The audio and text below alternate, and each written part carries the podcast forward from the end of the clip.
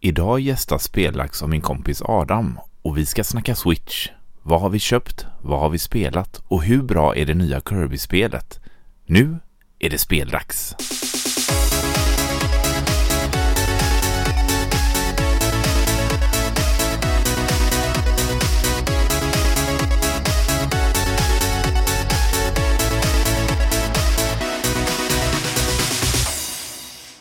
Idag har jag en gäst med mig och vi ska prata lite om eh, Switch och spelåret 2022. Eh, Hallå där Adam!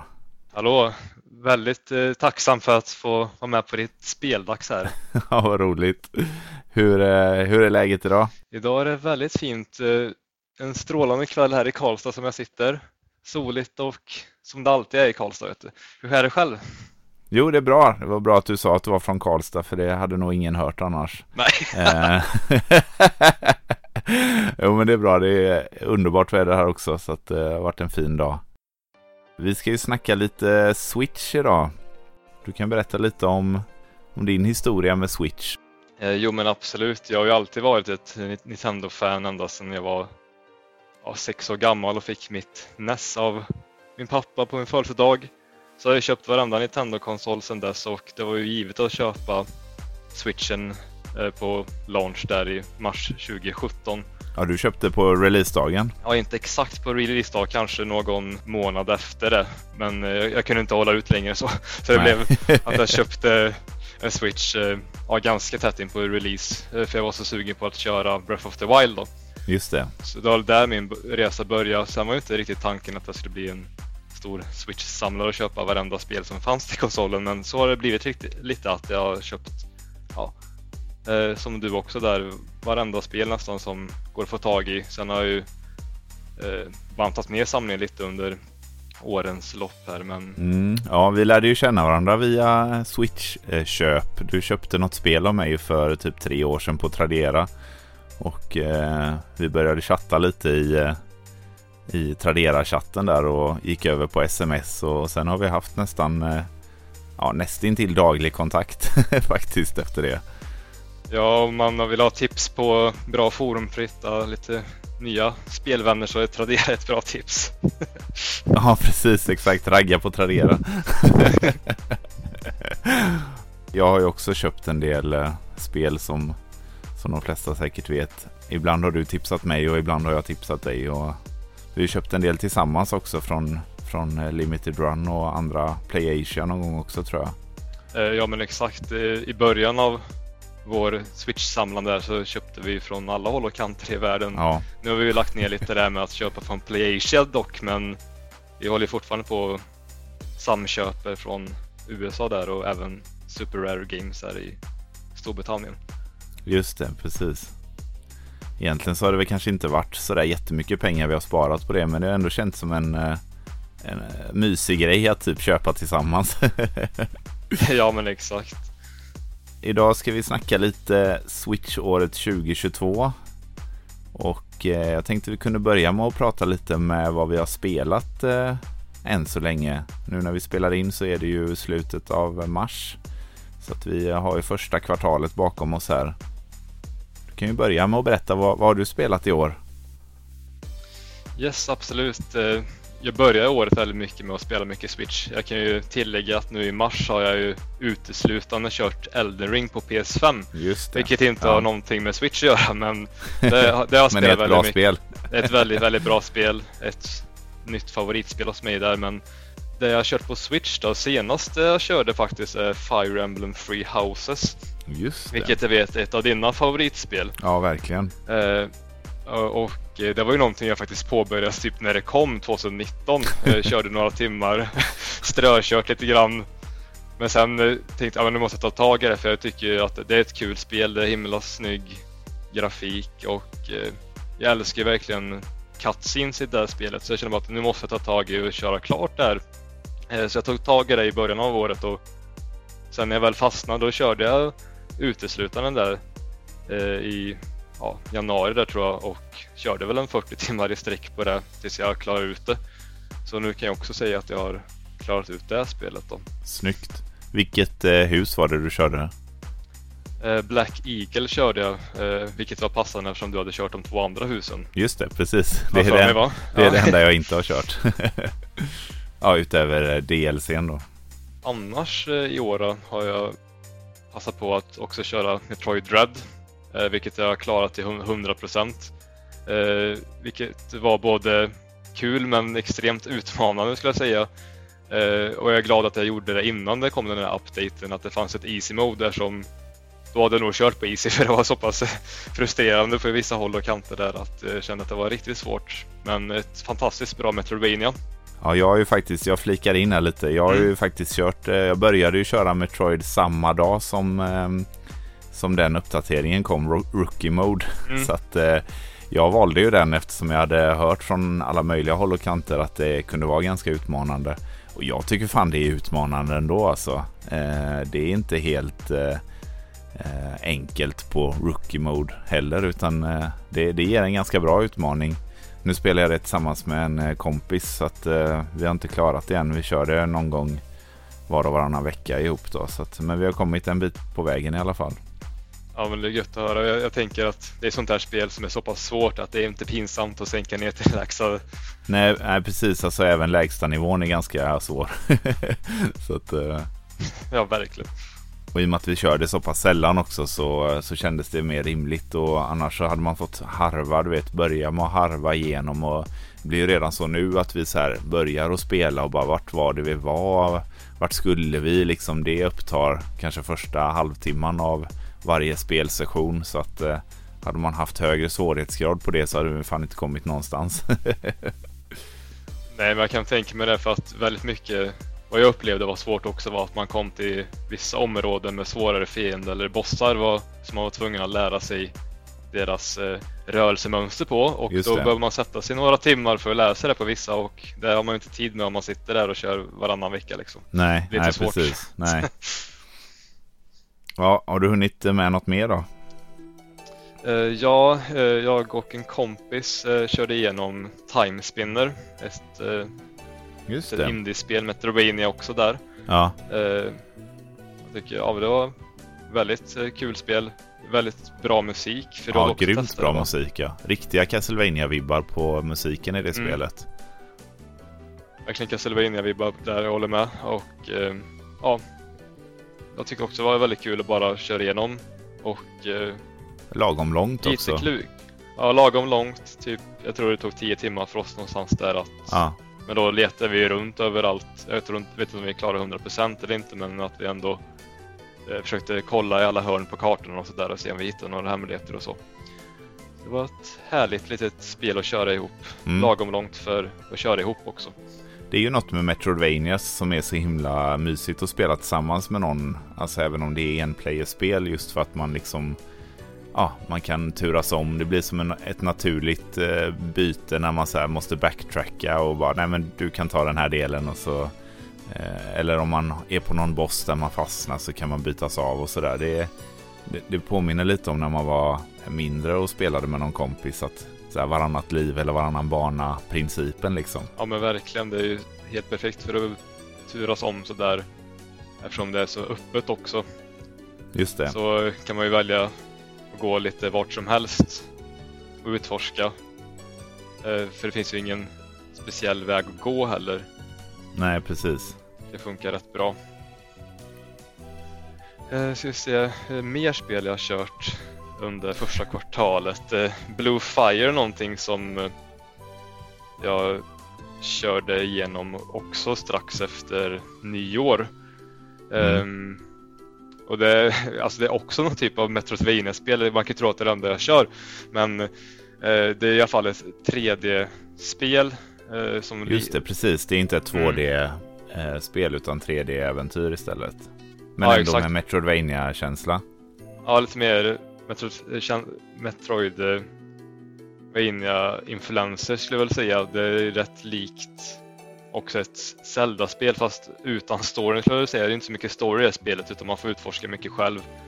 Jag har hört att, eh, eller jag har för mig när det släpptes att det var många som så sa att det var som ett 3D Hollow Knight. Ja, lite åt det hållet. Lite mer sån typ atmosfär. Lite mörka toner i spelet och sådär. Ja, Så ja, det kan jag hålla med om. Bra musik är det också.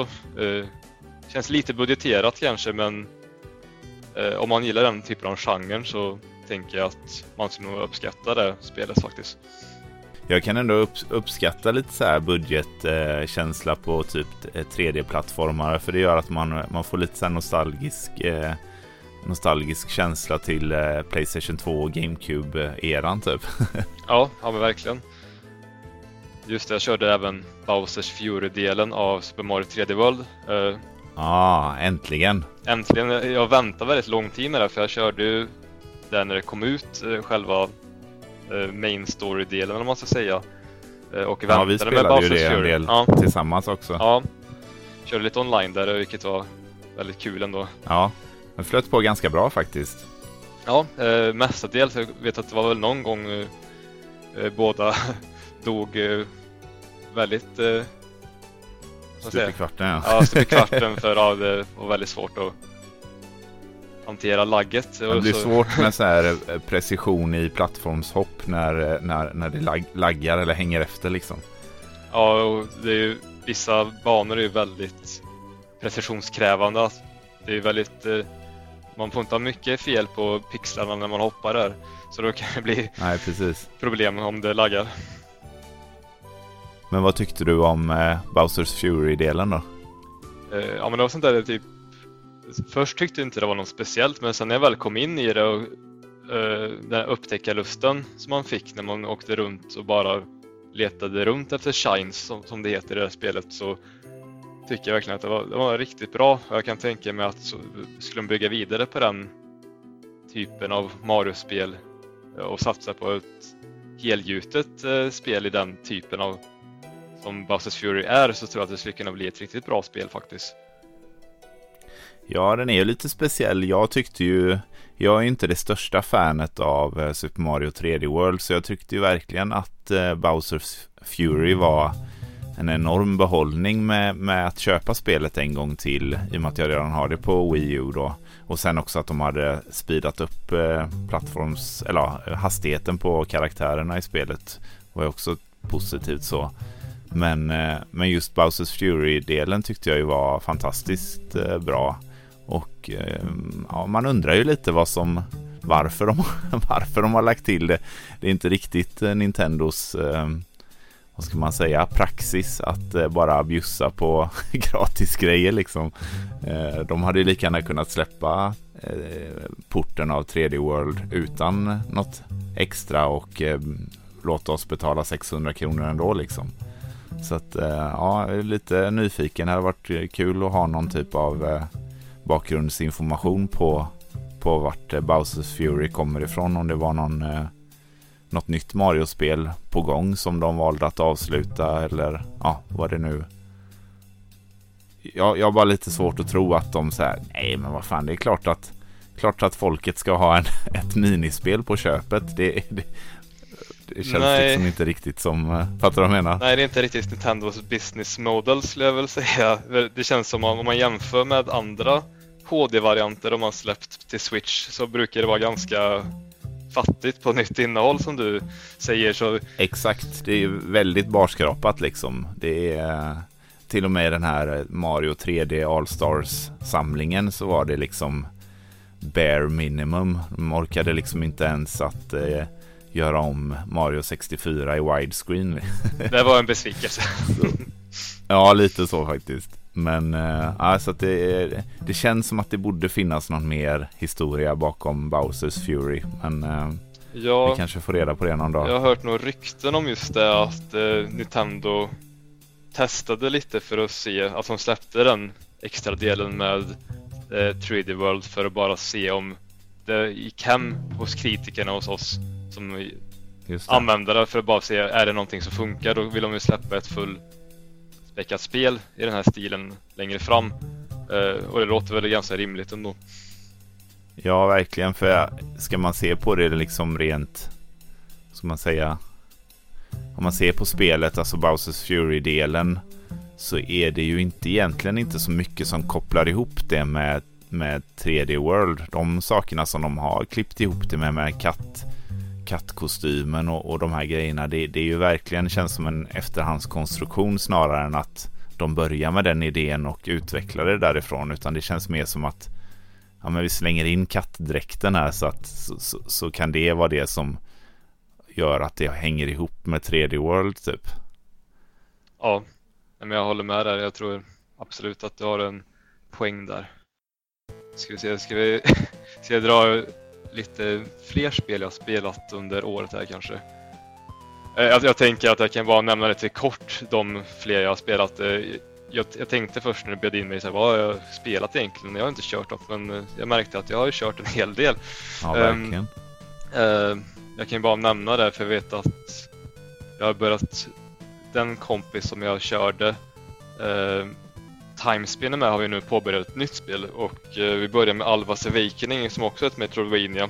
Vi fick väl mm. lite mer smak uh, av det spelet uh, och testa lite. Det verkar vara ett helt OK spel.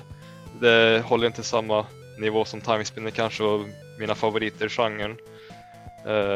Jag vet att du känner den som har gjort musiken till det första spelet va? Precis, Robert, min gamla kompis. Han gjorde musiken i första spelet. Så att, eh, jag har ju det första eh, Awakening på... Köpte det digitalt när, det, när jag köpte mitt Switch för att, för att stötta eh, honom. um, så att, men jag har inte köpt eh, jag har inte köpt det fysiska spelet än. Jag har avvaktat lite. Eh, men det borde jag göra. Om jag inte får ett av dig Robert. Shoutout. ja, det är väl bara rimligt att du får ett. Som ja, eller hur? ett signerat ex. ja. Eh, nej, men annars tänker jag att jag har testat en hel del spel som jag inte kommer gå in på idag. Eh, men ett spel som jag tänkte bara nämna är Crosscode som jag testat några timmar. Ja, ah, okej, okay, nice. Hur verkar det då?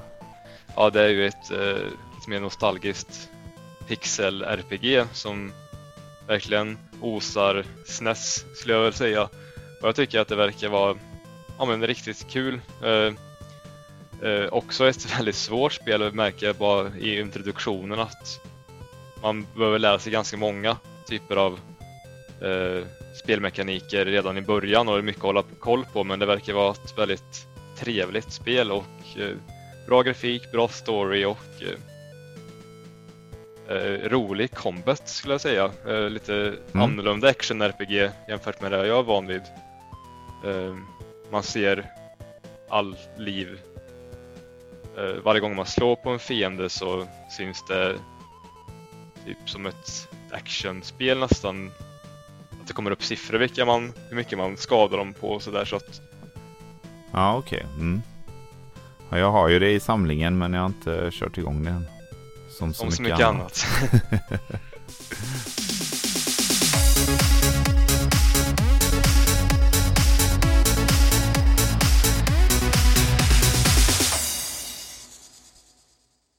Vad har du kört då Andreas under första kvartalet? Ja, nej det blir ju väldigt eh, sparsamt här i jämförelse. Men jag, jag har spelat lite grann senast ändå. Eh, jag inledde väl året med att klara Nino Kuni 2. Mm. Eh, det spelade jag ju merparten av under 2021. Eh, men jag klarade det i år. Så att, det är alltid någon sån här bitterljuv känsla när man avslutar ett Eh, större RPG. Liksom att på ett sätt så känns det ju väldigt kul att, att få hela storyn och, och, att avsluta det. Men på ett sätt lite ledsamt också för man har liksom lärt känna karaktärerna och världen och, och sådär. Så att ehm, ja, nej, det var verkligen en, eh, en eh, fin spelupplevelse tyckte jag. Ehm, med väldigt fin story och roliga liksom varierat gameplay med både det här att bygga upp sin stad men också RPG moment i att levla och, och vara i fighter och utforska världen. Och, ja, den, den har lite av varje liksom. Ja. ja jag vet ju att det, det ligger högt upp på din, eh, på din lista också bland spel. Fast du körde ditt på Playstation 4 kanske? Ja men exakt. Ja. exakt. Jag, eh, jag tror att jag sa det även när, för jag vet att jag har testat Inokuni Wrath of the White Witch också, det första Just spelet. Det. Och då nämnde jag nog det till dig att jag hoppas verkligen att tvåan kommer eftersom jag tycker att det är det bättre spelet eh, eh, så att du får uppleva det också. Det verkar lite som en kontroversiell grej för jag, jag tycker också att tvåan är det bättre utav dem. Jag, det var ju något med ettan med storyn och allting som var väldigt fängslande men jag kunde liksom inte riktigt komma förbi fightingmekanismen. fighting-mekanismen. Jag, jag, hade så himla svårt att komma in i det. Det kändes så komplicerat och, och sådär så det, det, blev liksom att det, ja, det hamnade något spel emellan och sen rann det ut i sanden lite. Men eh, tvåan kunde jag liksom inte släppa utan det var bara jag tog alla chanser jag hade att kunna spela någon timme här och där liksom. Och jag tror också att det var lite det som, som eh, jag tyckte var, inte kanske unikt, men ändå lite avvikande. Att det var lätt att spela spelet en kortare stund och ändå göra progress. För då kunde du till exempel samla ihop pengar eller, eller sådär för att bygga ett nytt hus. Eller du kunde leta lite items för att bygga någon göra någon dräkt eller någonting så att du kunde locka till dig någon ny eh, invånare till stan. Så det var ganska lätt att kunna spela både en kvart, 20 minuter men även flera timmar då om man hade möjlighet till det. Det gjorde att det blev mycket lättare att liksom hela tiden göra progress liksom.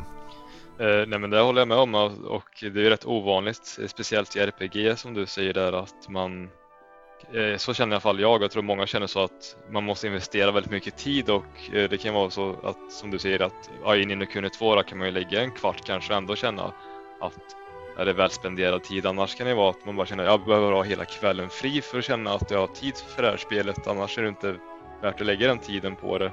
Nej precis, det är, inte ens värt, om, om du har en halvtimme så är det knappt att det är värt det. För eh, nästa gång du börjar så är du ändå på samma save-check som du var på förra gången liksom. Ja men exakt.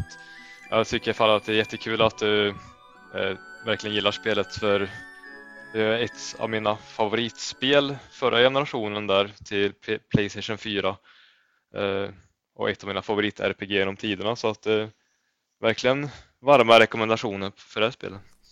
Mm.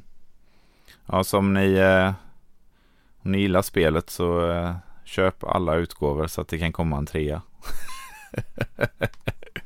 Ja, men sen har jag också spelat eh, Time Spinner, precis som eh, du hade gjort med en kompis. Jag har också spelat det med en kompis faktiskt.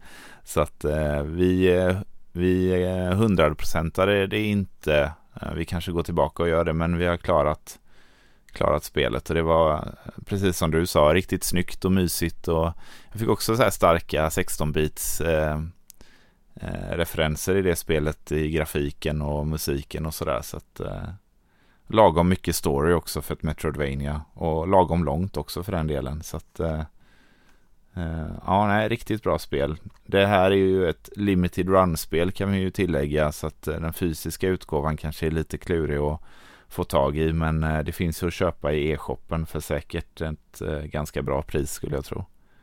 Så att, ehm, ja, så det kan vi rekommendera bägge två. Ja, exakt. Jag har också spelat Pokémon Shining Pearl, eller varvat det tillsammans med min fru.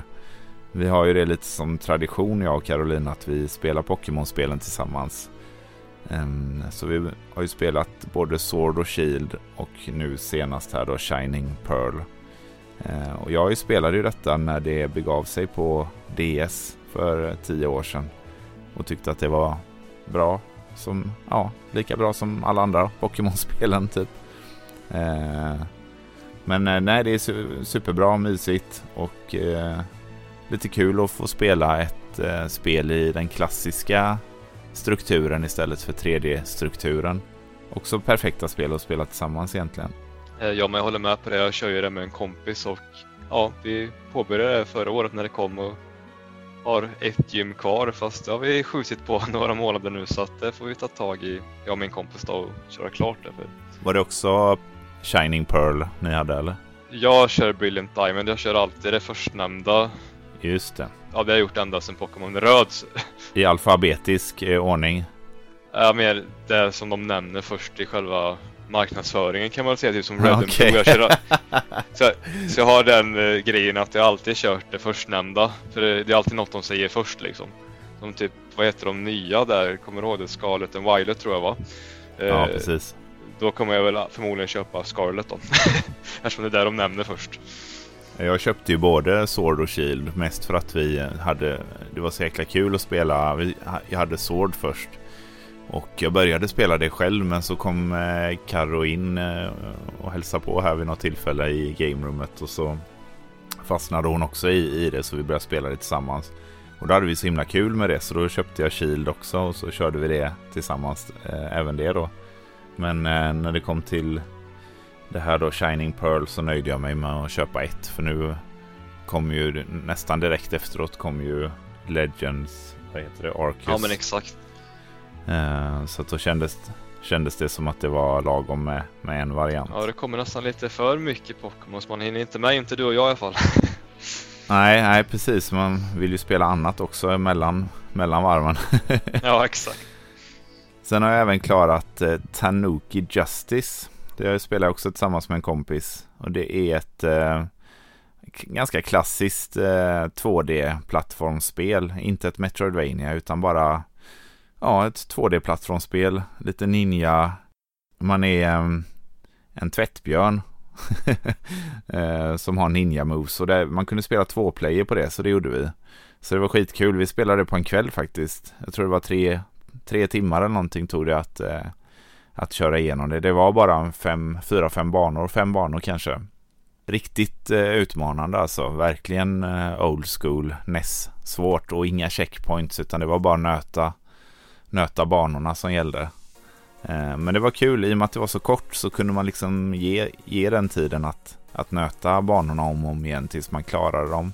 Och det var också svårt på det här Eh, vad ska man säga, tillfredsställande sättet att man kände att man gjorde lite progress eller att man kände liksom att okej, okay, det här är mönstret för bossen eller vad det nu kan vara då som, som man behöver öva in. Så att det, det var, det var eh, svårt och eh, oförlåtande på det sättet men ändå eh, man tog ändå lärdom av, av vad som gick fel och kunde liksom till slut klara det då.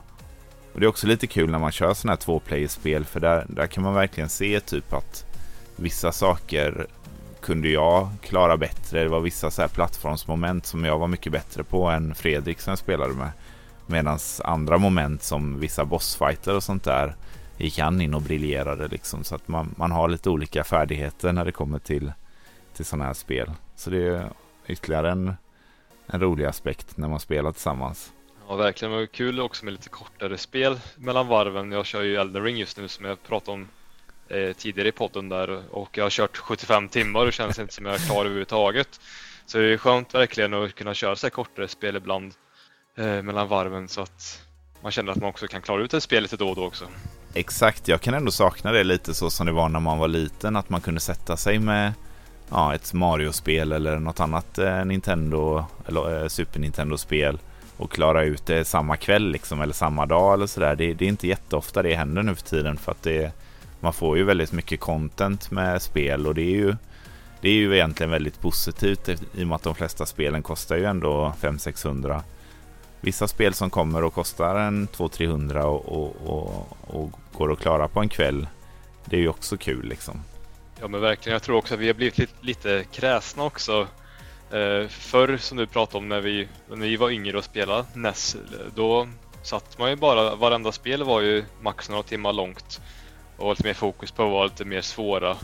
Man behövde bemästra tekniken och eh, lite mer precision ja. för att klara spelen.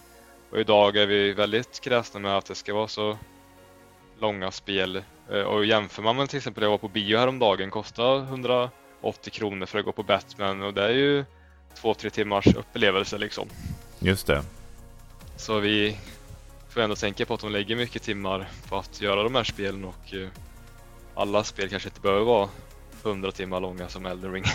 Nej, precis, för det är ju någonting som blir lite kontraproduktivt i det också i och med att eh, när man är vuxen så har man ju andra ansvar och, och tidskrävande eh, tidskrävande saker som, som man måste göra som arbete och kanske familj eller, eller andra hobbys och så vidare. Så man har egentligen mindre tid att spela nu än när man var liten. Så att, eh, att få ett spel som man klarar på 3-4 timmar som är svinbra kan ju egentligen vara en, en större upplevelse än att grinda något i 80-90 timmar liksom. Ja, verkligen. jag kan ju nästan känna att det blir som en eh, ja, men det, att det blir för maffigt. Du vet om man, om man sitter och ska välja ett nytt spel och så har man två spel i handen. Det, enda, det ena är något JRPG som, som man vet är liksom, här har jag 70, 70 speltimmar framför mig och det andra är ett Metroidvania med 15 timmars speltid. Det är ganska ofta som jag hellre väljer det på 15 timmar för då känns det som att då har jag åtminstone en, en chans att klara detta innan året är slut liksom. Ja. Just för att man vill spela så mycket mer också än bara ett spel. Ja, både du och jag har ju en gedigen backlog att plöja igenom så att då... Ja, precis. Den blir inte mindre heller tyvärr. Nej, det blir ju inte det.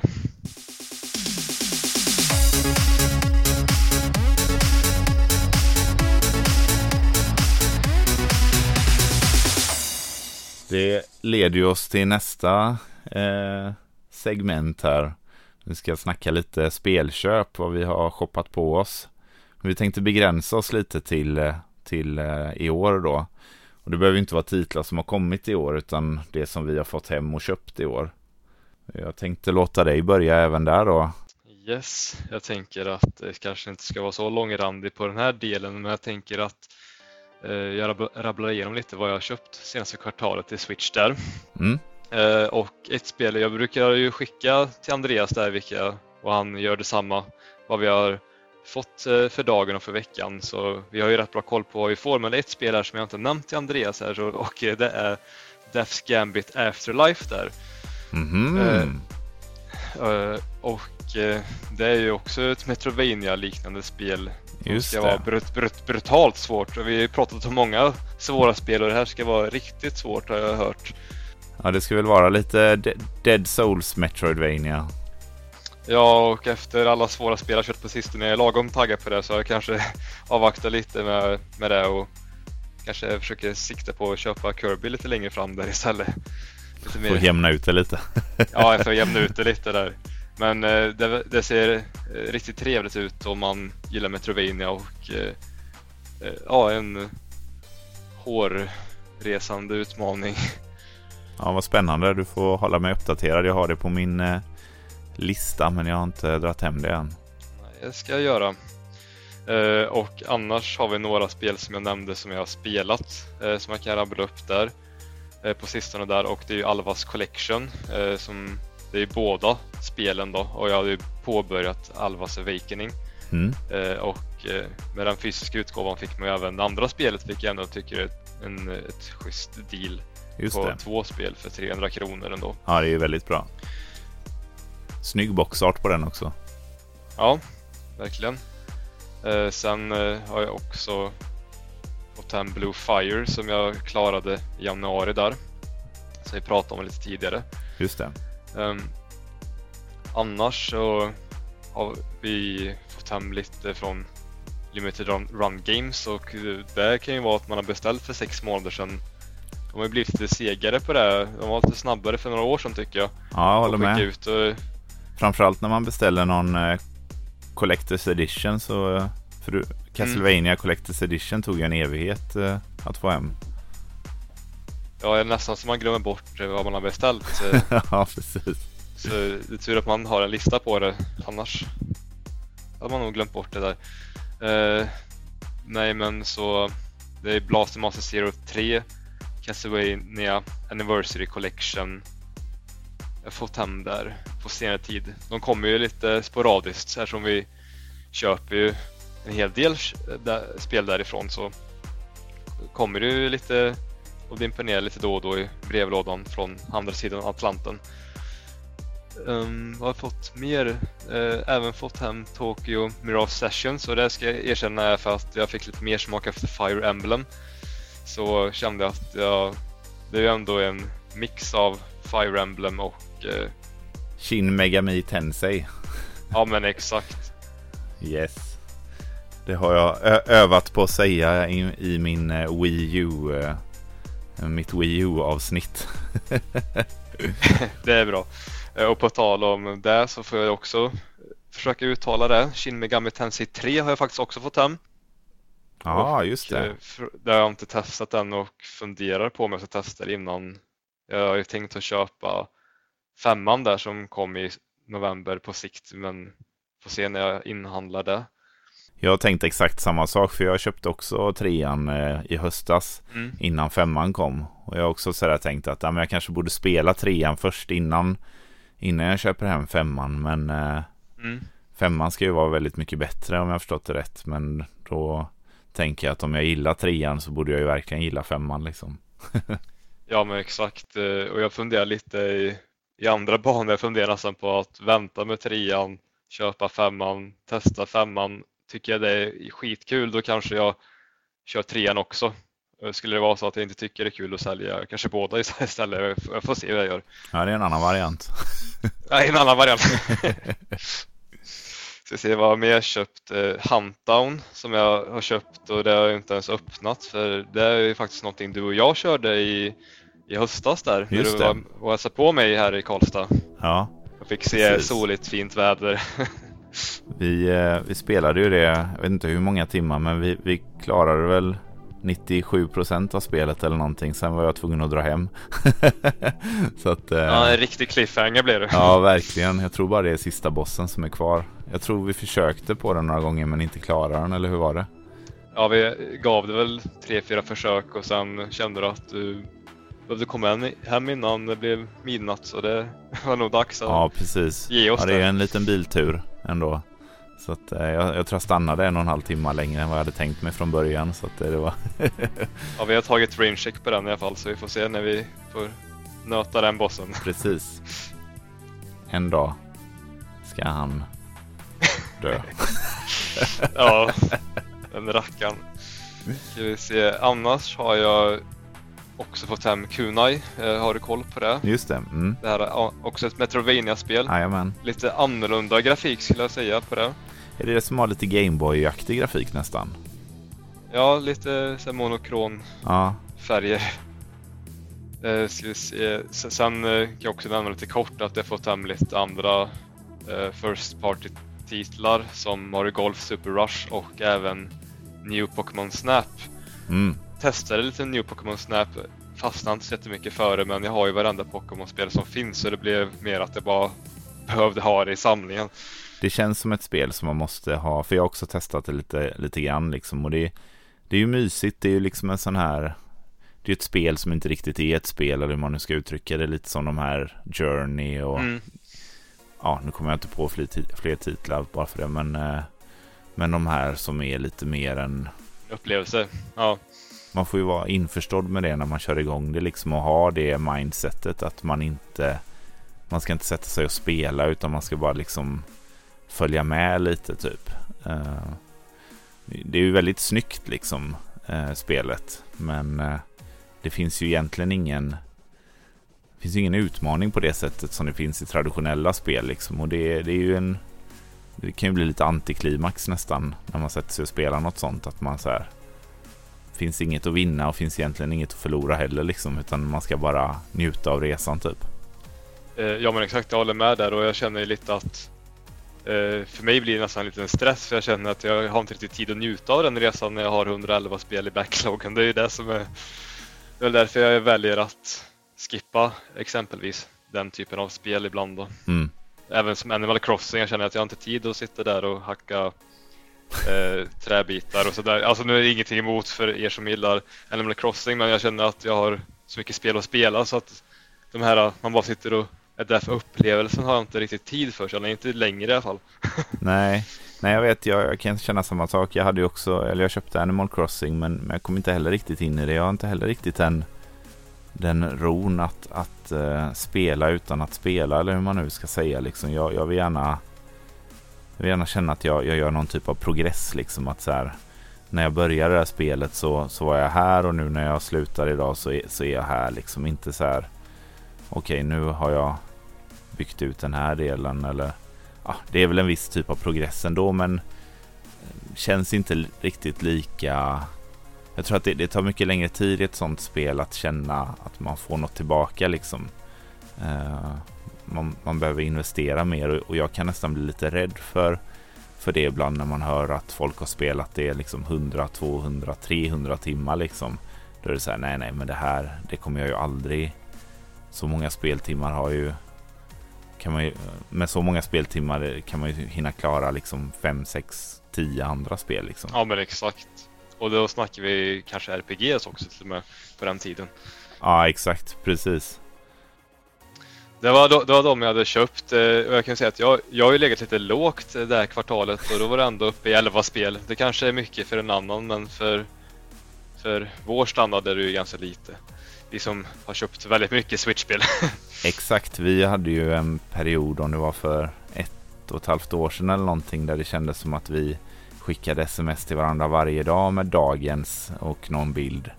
Eh, och, och, så har det ju inte varit riktigt eh, senaste halvåret utan vi har ju bägge liksom eh, försökt att dra ner lite på inköpen. Jag tror jag har köpt lite mer än vad du har men, men eh, jag har ju lite fler konsoler som jag har samlat på mig till. Eh, Medan du har nöjt dig med PS4, PS5 och Switch va? Ja men exakt.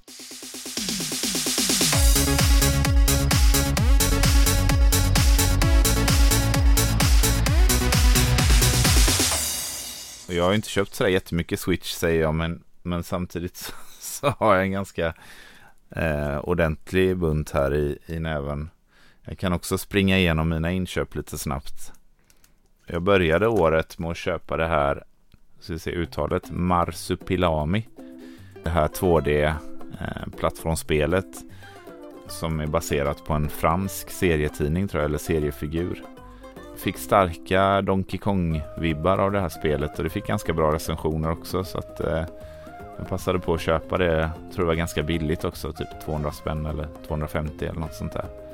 Så att det var årets första spel.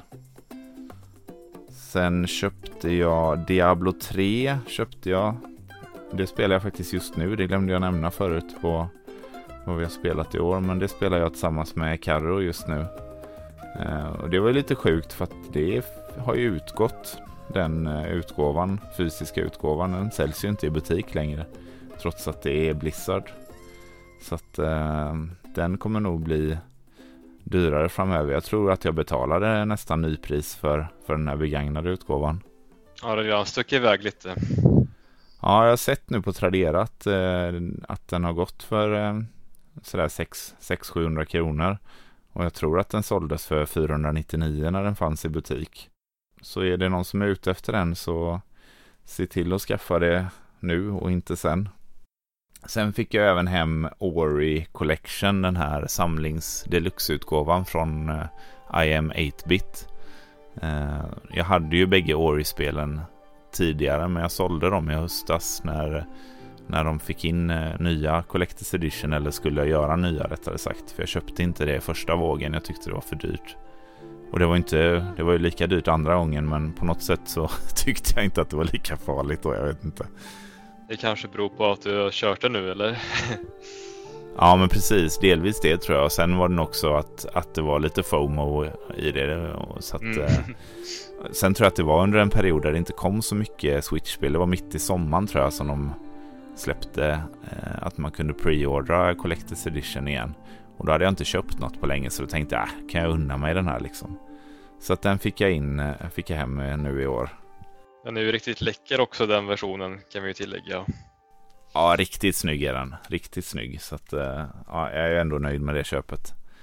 Sen har jag även köpt Hor Horace, Horace, Horace, man uttalar det, från Super Rare Games. Eh, du skippade det va? Eh, ja, jag skippade det. Det var lite 50-50 på den men Just det. valde att gå den andra sidan. Ja, jag fick ju väldigt eh, goda rekommendationer typ en timma innan releasen av en annan kompis som tyckte verkligen att jag skulle köpa detta. Så att, för jag hade nog bestämt mig för att skippa det också. Men han övertalade mig där så, att, så jag tänkte ja, ja, jag testar. Och oftast med Super Rare-spelen så gillar man dem inte så brukar man få tillbaka sina pengar om man säljer dem eh, på andra hands på typ Tradera eller sådär. Så att eh, jag tänkte jag, jag drar en chansning på den. Men jag har inte testat det än men eh, någon dag. Du får säga vad du tycker och se om jag gjorde ett misstag där. ja, Ja, men precis. Sen fick jag även hem Infernax eh, för inte så länge sedan. Som är ett eh, 2D typ 8-bits spel i Castlevania-stuket. Inte ett Metroidvania om jag förstått det rätt, utan lite mer eh, linjärt. Eh, men det ska vara eh, deras gimmick eller vad man nu ska säga är att det är ganska gory typ. Mycket splatter och eh, ögon som exploderar och, och sådär. Men i 8-bits grafik då. Men det ser, eh, det ser, det ser ändå spännande ut och eh, ibland kan man ju tycka att det, det känns som att det är så jäkla mycket sådana här 8-bits och 16-bits spel som kommer. Men eh, ja, inte mig emot egentligen. Jag gillar spelen och jag gillar genren. Så att, eh, Och så länge de har lagt mycket tid på det tycker jag, då får de gärna punga ut de där spelen. Ja, det är ju ingen som tycker att det är problematiskt att det kommer uh, Call of Duty varje år. Ja, det kanske är folk som gör, men, men det finns ju gott om spelgenrer där det kommer spel varannan vecka också. Så att jag vet inte riktigt varför det skulle vara negativt att det kommer eh, retroinspirerade spel. Jag har också fått från eh, Limited Run, precis som du, Castlevania samlingen Också Blaster Master 3 där, eller Blaster Master Zero 3. Men jag köpte även Shadows of Adam som ska vara något RPG på något sätt.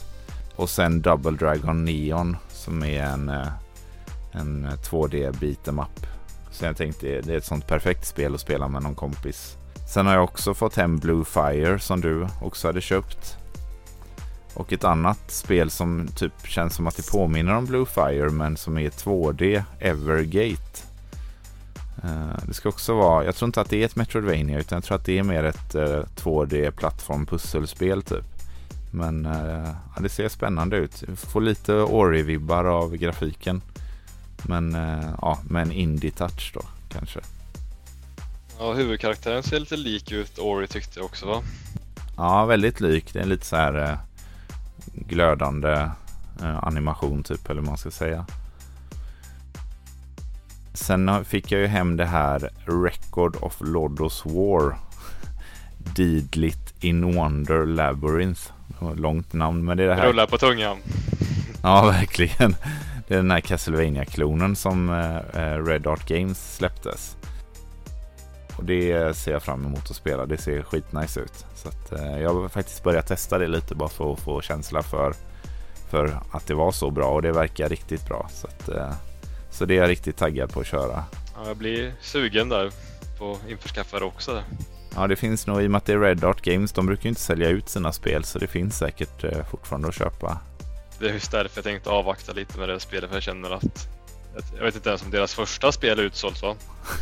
nej, nej, jag tror inte de har sålt slut något spel faktiskt. I alla fall inget Switch-spel, men uh, ja, jag kan ju ha fel, men jag tror inte det.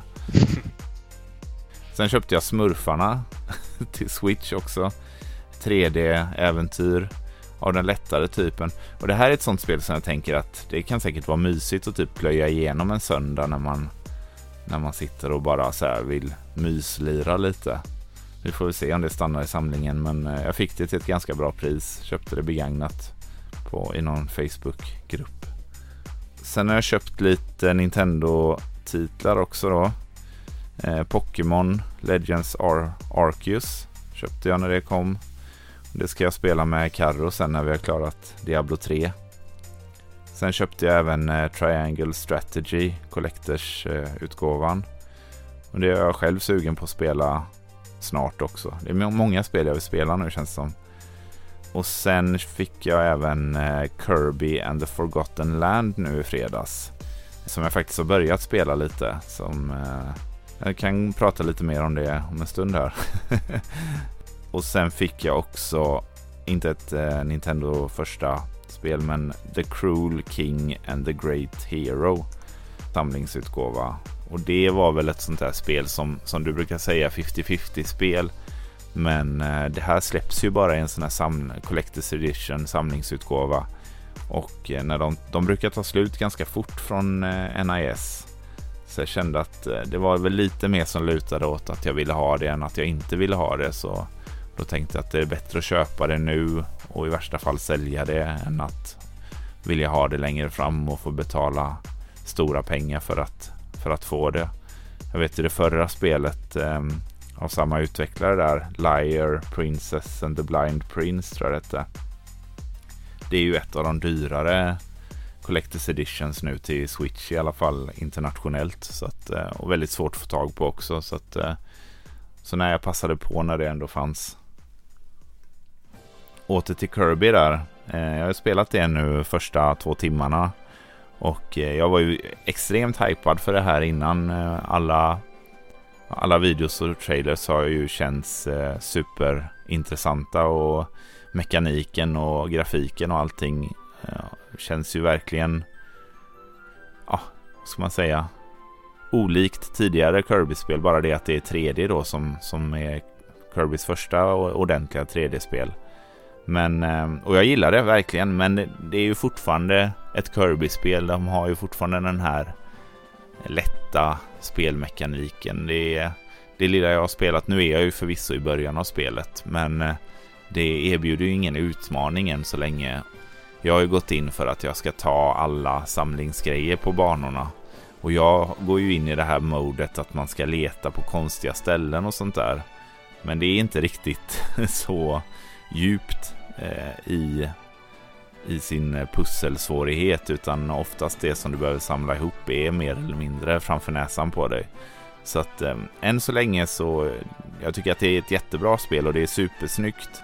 Men just den här grejen att det är utvecklarna från Mario Galaxy, att de har, jag vet inte om Nintendo själva i och för sig har, har eh, slått så mycket för det, men, men det, är ju, det är ju någonting man har hört mycket, att, att det är utvecklarna från Mario Galaxy. Det kanske är eh, att ingiva lite mycket eh, tro i spelet, för att det, det är ganska linjärt. Även om det är 3D så är det ganska linjärt än så länge och eh, väldigt enkelt liksom. Men, men jag, jag tror inte att det, det talar inte emot spelet heller utan det är liksom en trevlig upplevelse. Eh, trevlig upplevelse och eh, troligtvis så blir det väl mer utmanande efter de första fyra banorna som jag har kört. Eh, men än så länge så, så kanske jag, jag ska inte säga att jag är besviken, det är starkt, men, men jag kanske hade önskat lite mer om man säger så. Levde inte upp riktigt till en hype där kanske? Nej, nej jag tycker nog inte det. Alltså det är lite sådär, känslan som man har fått via trailers och sådär, det är att det är lite öppen världaktigt och det är det ju verkligen inte utan varje bana består av tre, tre delar som är som en öppen värld men alltså de delarna var för sig är ju mindre än en Mario 64-bana liksom. Eh, så att det, det är ganska så avskilda delar som, som är öppna på det sättet. Det kanske också ändras längre fram. Jag kan inte säga så mycket än. Jag har bara spelat en och en halv timme ungefär. Men eh, det är inte ett Mario Galaxy eller Mario Odyssey till Kirby-serien. Det är det inte. Men det är ett steg i rätt riktning så jag tycker ändå att det är värt att, att köpa. Och det är ju absolut inte så eh, löjligt lätt som eh, som tidigare Star Allies var, där du bara liksom kunde somna och ändå klara en bana typ. Men utmaningen i detta ligger nog att hitta runt omkring grejer snarare än att, än att klara det genom en bana. Än så länge, återigen. Så att eh, jag, jag, är inte besviken, men jag är inte heller fylld av eufori. eh, nej, alltså jag var ju försiktigt optimistisk till det efter att ha sett eh, tidigare Kirby-delar för jag har aldrig varit ett jättestort Kirby-fan men eh, jag ser ju fram emot att få spela det. Det ska bli kul att höra vad du sen tycker när du har kört igenom hela spelet om det ökar i svårighetsgrad. Ja, det behöver inte vara Elden Ring eller Metroid Dread svårighetsgrad för min del men jag gillar ju lite utmaning och jag blir lite avskräckt när jag hör att det är åt det lättare hållet men du säger, Star Allies var ju alldeles för lätt och det är skönt att höra att de har gått eh, lite mer åt det utmanande hållet.